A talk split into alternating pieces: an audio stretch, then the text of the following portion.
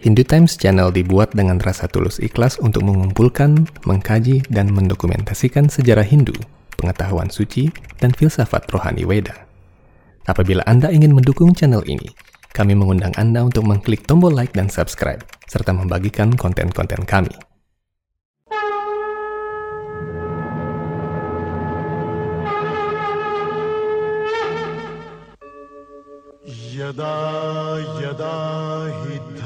धर्मस्य ग्लानिर्भवति भारत। अभ्युत्थानम् अधर्मस्य तदात्मानं सृजाम्यहम् परित्राणाय साधूनाम् विनाशाय च दुष्कृता धर्म संस्थापनार्थाय संभवामि युगे युगे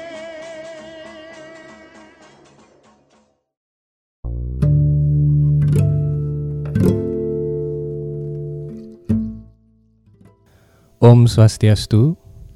Sobat Hindu Times kembali lagi dalam acara podcast Hindu Times seperti biasa.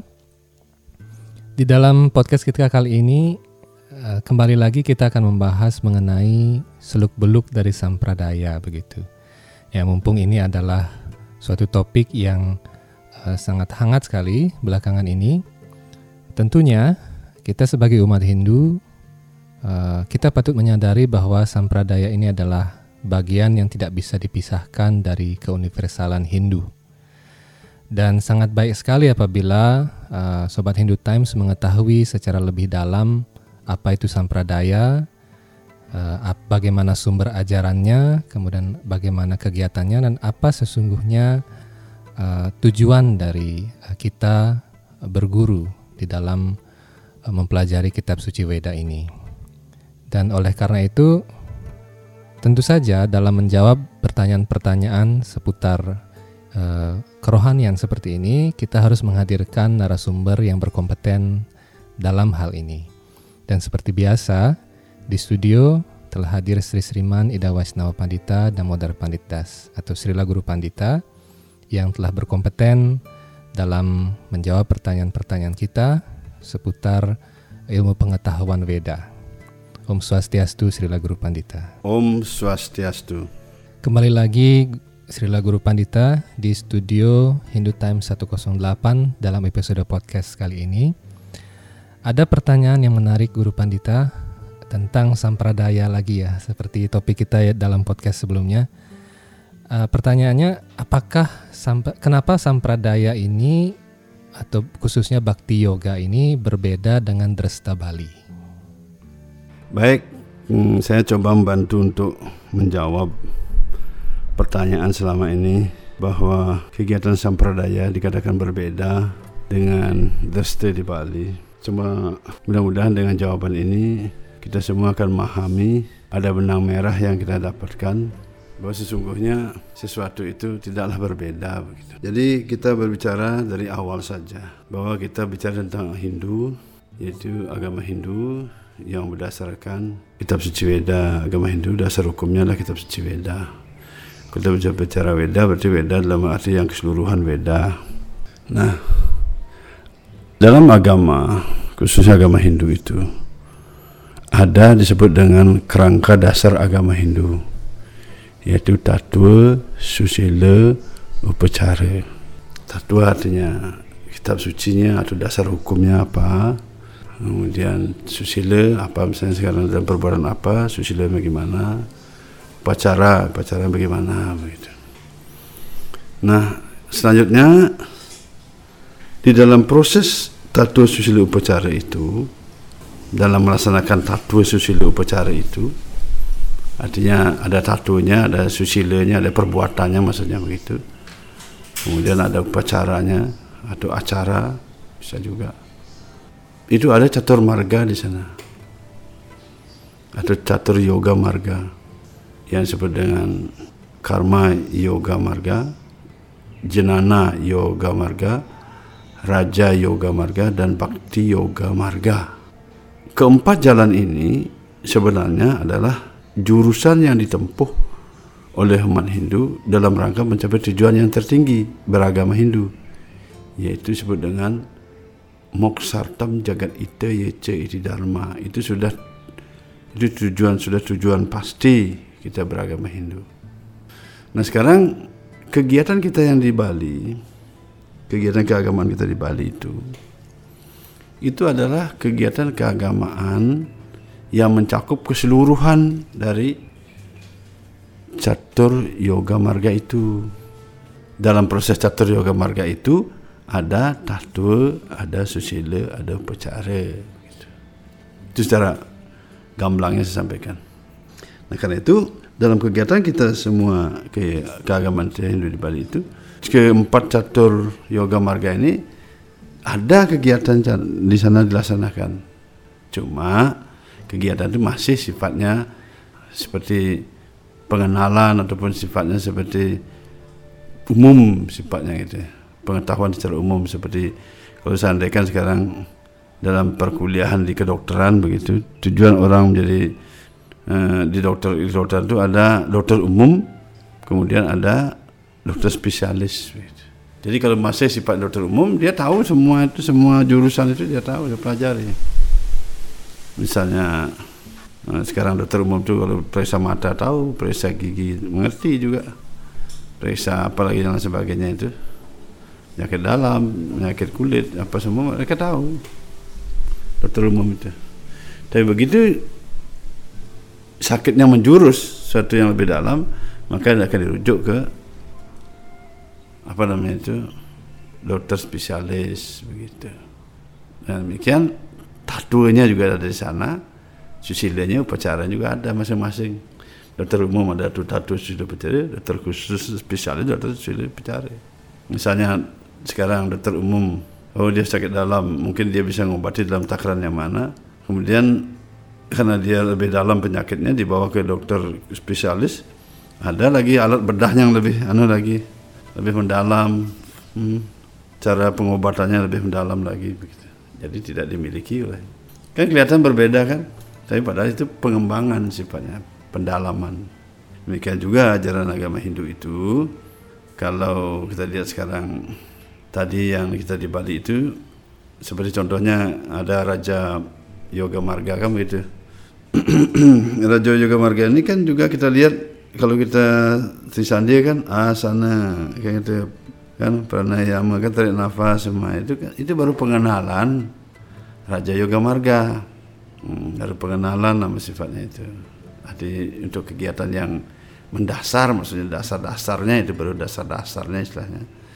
Bagi kalau orang memang memang harus pengenalannya diberikan seperti itu agar masyarakat tidak apa istilahnya bingung karena kalau secara umum masih manusia kan memang dari awam makanya diberi pengenalan seperti itu nah kalau mereka nanti menjurus lagi lebih ke dalam lagi dia harus masuk ke Larja Wiga Marga uh, yang lebih dalam lagi bagaimana pranayama asananya bagaimana, pranayama bagaimana, sampai dia mencapai samadhi. Akhirnya dia mencapai moksa, kan begitu. Demikian juga kalau bakti marga contohnya, kalau bakti marga itu seperti arcanam. Arcanam itu kan sembilan cara bakti itu ada arcanam. Arcanam di Bali kan juga ada arcanam. Karena itu kan arcanam sarupujanam, itu mantranya. Kan ada juga percima dilaksanakan. Nah, itu masih sifatnya pengenalan, pemujaannya itu pengenalan karena itu ya dilakukan dengan cara yang tradisi karena pada saat itu mungkin situasi kondisinya tidak memungkinkan dipakai alat-alat yang apa seadanya uh, pertima setelah itu ditaruh ya mungkin enam bulan lagi baru turun beliau. Begitu. Sedang kalau arcanam penerapan arcanam yang lebih mendalam lagi abadi yoga yang lebih mendalam lagi itu harca itu harus setiap hari dilayani dan dibangunkan pagi-pagi jam 4 itu sudah bangun beliau dibangunkan begitu harcanya. Kemudian dimandikan dengan pancamrita kemudian madu parkam dan segala macam begitu. Seperti susu dan sebagainya yogurt gitu semua. Setiap hari dimandikan seperti itu. Dan lain sebagainya dengan segala, peralatannya dipersiapkan dengan pakaiannya kemudian dibuat persembahan sampai tujuh kali dalam satu hari. Setiap hari itu dilaksanakan kemudian ada lagi ngelungan setiap tahun ada tedun beliau. Gitu. dengan persembahan-persembahan juga yang kita atur. Misalnya seperti sore hari harus mempersembahkan buah. Kemudian malamnya ada si kue kalau pagi siang lengkap dan begitu. Lebih ini lagi. Nah jadi itu kan kelihatannya berbeda kan? Hmm. nah jadi kalau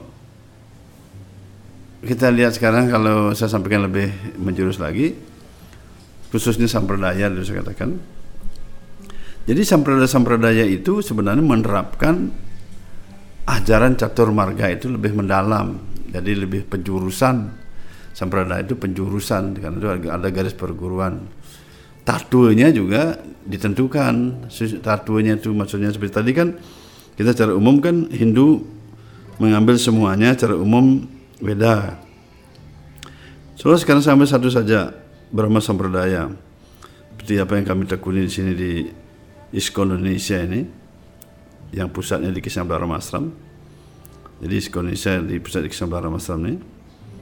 Kita terapkan khusus kita mengambil satu jalan yaitu Bhakti Yoga Marga. Pelatihannya di ashram. Begitu. Taduanya dasar hukum dari Bhakti Yoga Marga ini adalah kitab suci Bhagavad Weda Bhagavata kita, apa kitab suci Bhagavad kita dan kitab suci Bhagavata Purana. Itu buku spesialisnya, dasar hukumnya atau textbooknya. Kalau seperti saya kan tadi spesialis bedah ada bukunya khusus spesialis bedah itu. Begitu atau spesialis penyakit dalam misalnya begitu ada. Bukunya khusus seperti itu. Ini juga begitu.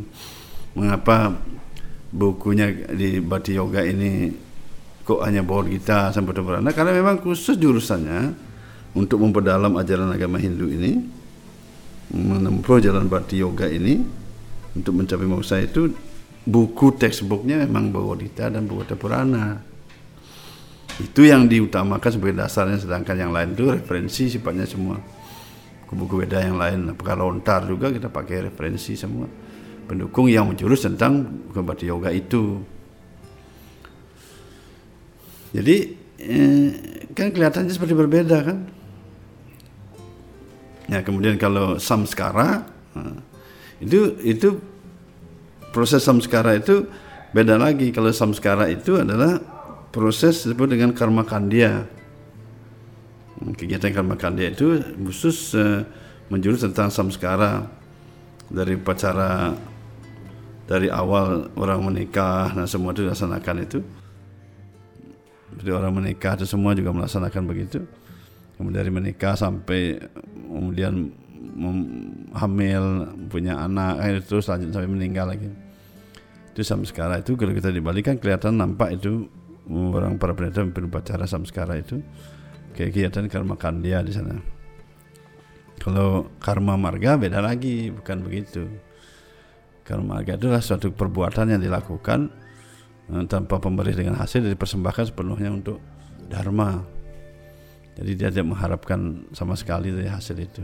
Jadi karma marga, karma karma kandia lain lagi itu sisi lain lagi dari kegiatan keagamaan eh, dalam agama Hindu gitu. Yang mana ada tatu susilo pacari juga di situ menjurus begitu. Nah jadi kalau masalah itu ketentangan bati yoga itu lain lagi. Bati yoga bati yoga sedangkan tadi karma kandia karma kandia lakukan itu secara manusiawi kegiatan dilaksanakan. Jadi enggak enggak enggak gabung. Karena itu kita pun memahami dari dulu kita melaksanakan kegiatan ini organisasi Indonesia ini didirikan sudah lebih 15 tahun yang lalu dilaksanakan itu hanya di asram saja. Jadi kita tidak melaksanakan kegiatan di luar asram kecuali di Betari Tedun Ngelunge itu apa namanya itu harcanamnya itu ada acara Tedun Ngelunge itu itu aja setahun sekali itu pun dilaksanakan dari asram ke, ke ke jalan kemudian ke pantai ke laut untuk membuat persembahan di sana kepada Dewa Baruna dengan sarana cuci Bali kita juga pakaiannya Bali bawa gong. Kemudian kegiatan kebudayaan juga begitu kegiatan budaya kita ada acara-acara apa kita menggunakan budaya yang ada. Kita pun punya gong sendiri kita beli gong. Eh, lumayan harga gong kita beli sampai 200 juta kan. Dan kita semua apa namanya anggota kita menggambal dan dan tari-tarian yang ada kita gunakan seperti tari klasik ataupun tari modern yang sudah diciptakan di Bali itu kita gunakan. Jadi kita tidak ada urusan tentang menambahi mengurangi begitu. Terlalu sibuk untuk urusan itu sedangkan melaksanakan bati yoga ini sudah kekurangan waktu bagi kegiatan yang lain-lain di luar itu. Nah, karena itu guru kita setelah berupa menyarankan supaya fokus bati yoga itu. Jangan lagi ada tambahan apa-apa yang dibuat untuk ini itu itu yang sedangkan sudah banyak kegiatan yang di luar itu. Belum kegiatan bekerja cari uang belum lagi kegiatan sosial di masyarakat belum lagi kegiatan adat kan sudah banyak sekali. Karena itu kalau misalnya kita mengkonversi budaya dan segala macam tidak ada hubungannya begitu. Kalau masalah berpakaian misalnya itu hanya orang-orang suka-suka saja. Sedangkan organisasi tidak mengatur begitu. Guru kami juga tidak mengatur masalah itu kalau kita memakai pakaian Bali ya pakaian Bali. Mereka ada yang orang pakai pakaian India kan untuk mempermudah mereka melaksanakan kegiatan bati yoga saja. Karena harus duduk lama sampai 2-3 jam kadang-kadang mendengarkan dharmucana tentang bati yoga juga cukup lama begitu. Dan itu pun kita hanya wajibkan untuk di asram saja. Nanti kalau keluar ganti lagi. Jadi mereka repot kadang-kadang mau ke pasar lagi. Nah, sekalian sekarang kalian sekalian aja pakai pakaian Bali tapi dilonggarkan lah duduknya dilonggarkan duduknya. Jadi dia bisa tidak bersimpuh lah. Bisa duduk dengan rileks begitu. Ya bisa diatur semua. Nah karena itu kalau sekarang ada peraturan apa semua segala macam itu kan bukan larangan namanya sifatnya peraturan. Jadi umat harus memahami eh, secara umum umat harus memahami apa yang di, di, dibuat sekarang oleh yang berwenang begitu. Itu bukan larangan itu itu namanya aturan yang harus diikuti semuanya ada aturan dalam hidup ini kan? Berjalan ada aturan makan ada tidur ada aturan bekerja ada aturan mengendarai naik pesawat semua ada aturan kan semua? Bukan larangan. Kegiatan agama juga eh, dikatakan sekarang diatur kalau kegiatan biasa umum sudah dilaksanakan di pura bagi samperdaya melaksanakan kegiatan yoga itu di peseraman. Itu sudah bagus sudah aturannya begitu. Dan kami sudah menerapkan jauh sebelum itu. Kami tidak mencampur semuanya. Jadi dengan demikian ini kegiatan Bhakti Yoga yang kami laksanakan ini adalah kegiatan agama Hindu eh, yang mengambil satu jurusan yaitu Bhakti Yoga dalam tujuan untuk mencapai moksa itu. Masalah nanti tercapai atau tidak kan itu bukan urusan kita, itu urusan yang di atas. Yang pasti kita terus mencoba melakukan sesuatu seperti kita mencoba untuk bekerja masalah hasilnya dapat berapa kan urusan nanti. Kalau kita tidak bekerja kan tidak dapat hasil demikian juga kita terapkan bagi yang mampu bagi yang bisa. Karena di dalam Hindu kan tidak ada sifatnya paksaan. Tidak ada sifatnya paksaan. Semua dengan sukarela melaksanakan. Bagi yang tidak bisa ya berapa dia bisa melaksanakan. Makanya ada kegiatan sifatnya umum kan. Ada yang sifatnya kegiatan Hindu secara umum ada secara ini khusus penerapannya begitu Nah, jadi dengan demikian di sini dalam sampradaya itu ada dituntun secara khusus garis perguruan. Bagaimana menerapkan raja yoga yang benar, ada gurunya. Bagaimana bati yoga, ada juga garis perguruan guru kerohanian yang menuntun di sana. Taksunya masing-masing juga ada begitu. Kalau bati yoga ini dengan dasar hukumnya Bhagavad Gita itu dan Bhagavad Purana, taksunya itu Sri Krishna. Jadi yang beliau puja yaitu eh, di sana itu untuk mohon karunia kekuatan itu adalah beliau Sri Krishna. Karena beliau sendiri mengatakan Bodhita bab 1855 itu kan begitu. Aku hanya bisa dimengerti dengan cara bakti berarti itulah taksunya beliau. Bagi mereka yang ingin menerapkan Raja Yoga lain lagi taksunya. Itu semua sebenarnya Tuhan itu sendiri secara kesatu kesatuan semuanya Tuhan. Di mana dalam tiga aspek ketuhanan itu kan jadi kalau bati yoga mengakui Tuhan yang berwujud. Mungkin kalau yang yoga yang lain Mungkin Tuhan yang tidak berwujud, jadi tiga aspek tetap di sana. Ada saguna dan nirguna, kayak betul. Jadi taksunya masing-masing semua ada taksunya. Jadi kalau kita bicara tentang bhakti yoga sekarang taksunya Sri Krishna. Nanti destinasinya tujuan dicapai juga begitu. Kalau yoga raja yoga mungkin destinasinya di mana, alam rohaninya, yang jelana juga di mana, bakti juga di mana begitu. Tapi sebenarnya itu semua alam rohani Tuhan itu sendiri, tempat itu sendiri. Itu ya cuma begitu saja karena semuanya kan memang ya cinta jadi semua itu tak terbatas. Jadi sesuatu itu yang tidak bisa dijangkau dengan pemikiran biasa karena itu diterapkan dengan sistem bhakti yoga itu dengan lebih mudah dan pemahaman tentang Tuhan juga lebih mudah untuk menjalani hal itu begitu. Jadi dengan demikian semua sudah ditata masing-masing, ada penataannya. Karena itu kegiatan yang khusus yang lebih mendalam ini diberi tempat di Pasraman.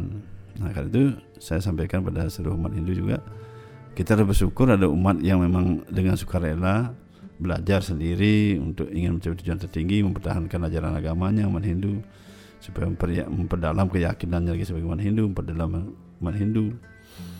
Mereka tidak meninggalkan Hindu dengan dengan tetap memperdalam berarti apa yang ada secara umum yang kita sudah warisi agama Hindu ke kita yang umum tadi sekarang itu seperti dokter umum begitu kita umum kita tetap juga terapkan bersama. Termasuk yang karma kandianya juga ada samskaranya itu diterapkan juga misalnya kalau kita di adat atau upacara apa atau persembayangan apa tetap juga. Termasuk pemujaan kepada selain Ista Dewata tadi itu ada pemujaan pada dewata-dewata yang lain juga. Juga para luhur juga tetap juga dilaksanakan. Itu kan hanya orang saja yang mengatakan berbeda. Tapi secara umum kita sendiri yang tahu kita penerapan para dewa yang tahu luhur kita tahu bagaimana mungkinlah para dewa yang selalu baik menjaga kita kita tidak hormat. Bagaimana ke orang tua kita yang melihara kita kita tidak hormati? Luhur kita yang memberikan warisan kita tidak hormati kan? Kalau kita memperdalam ajaran agama orang tidak beragama aja anggaplah begitu. Punya hati punya rasa. Binatang aja punya hati punya rasa kadang-kadang sama anaknya pada induknya. Bagaimana kita manusia masa kita tidak menghormati para luhur kita? Itu sudah alami itu berjalan begitu. Kalau ada wacana tentang Baudita mengatakan Yanti Dewa Berta Dewa dan selanjutnya itu itu artinya adalah satu bidang keterikatan. Kalau mereka sekarang terikat menjadikan leluhur itu sebagai segala-galanya selalu memusatkan pikiran pada leluhur maka dia pergi ke leluhur itu maksudnya. Sekarang kalau misalnya aspek Tuhan ataupun istadewata yang mana ataupun taksu yang mana dia pusatkan nanti ke sana. Kalau ada orang juga muja hantu dia pusatkan jadi hantu dia bagi segala galanya dalam hidupnya maka dia akan jadi seperti itu.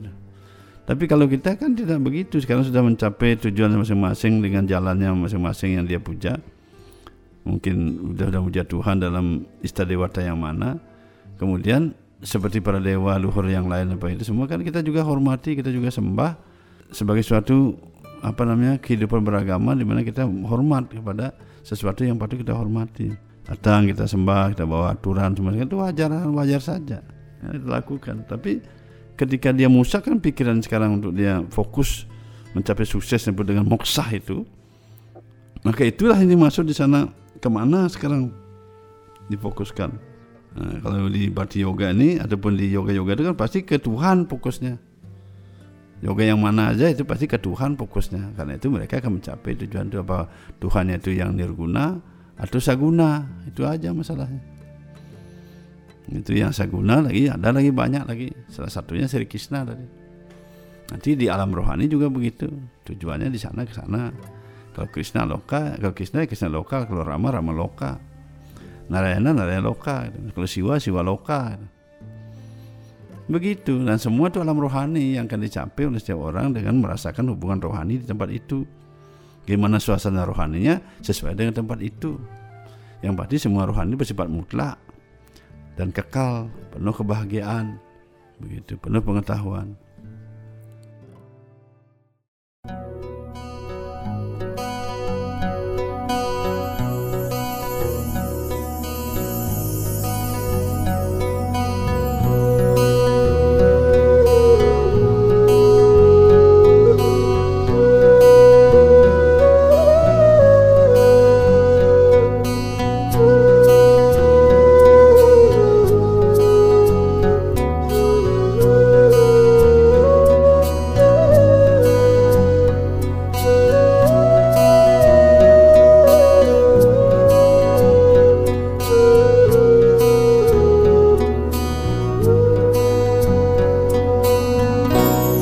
जय राधे जय कृष्ण जय वृन्द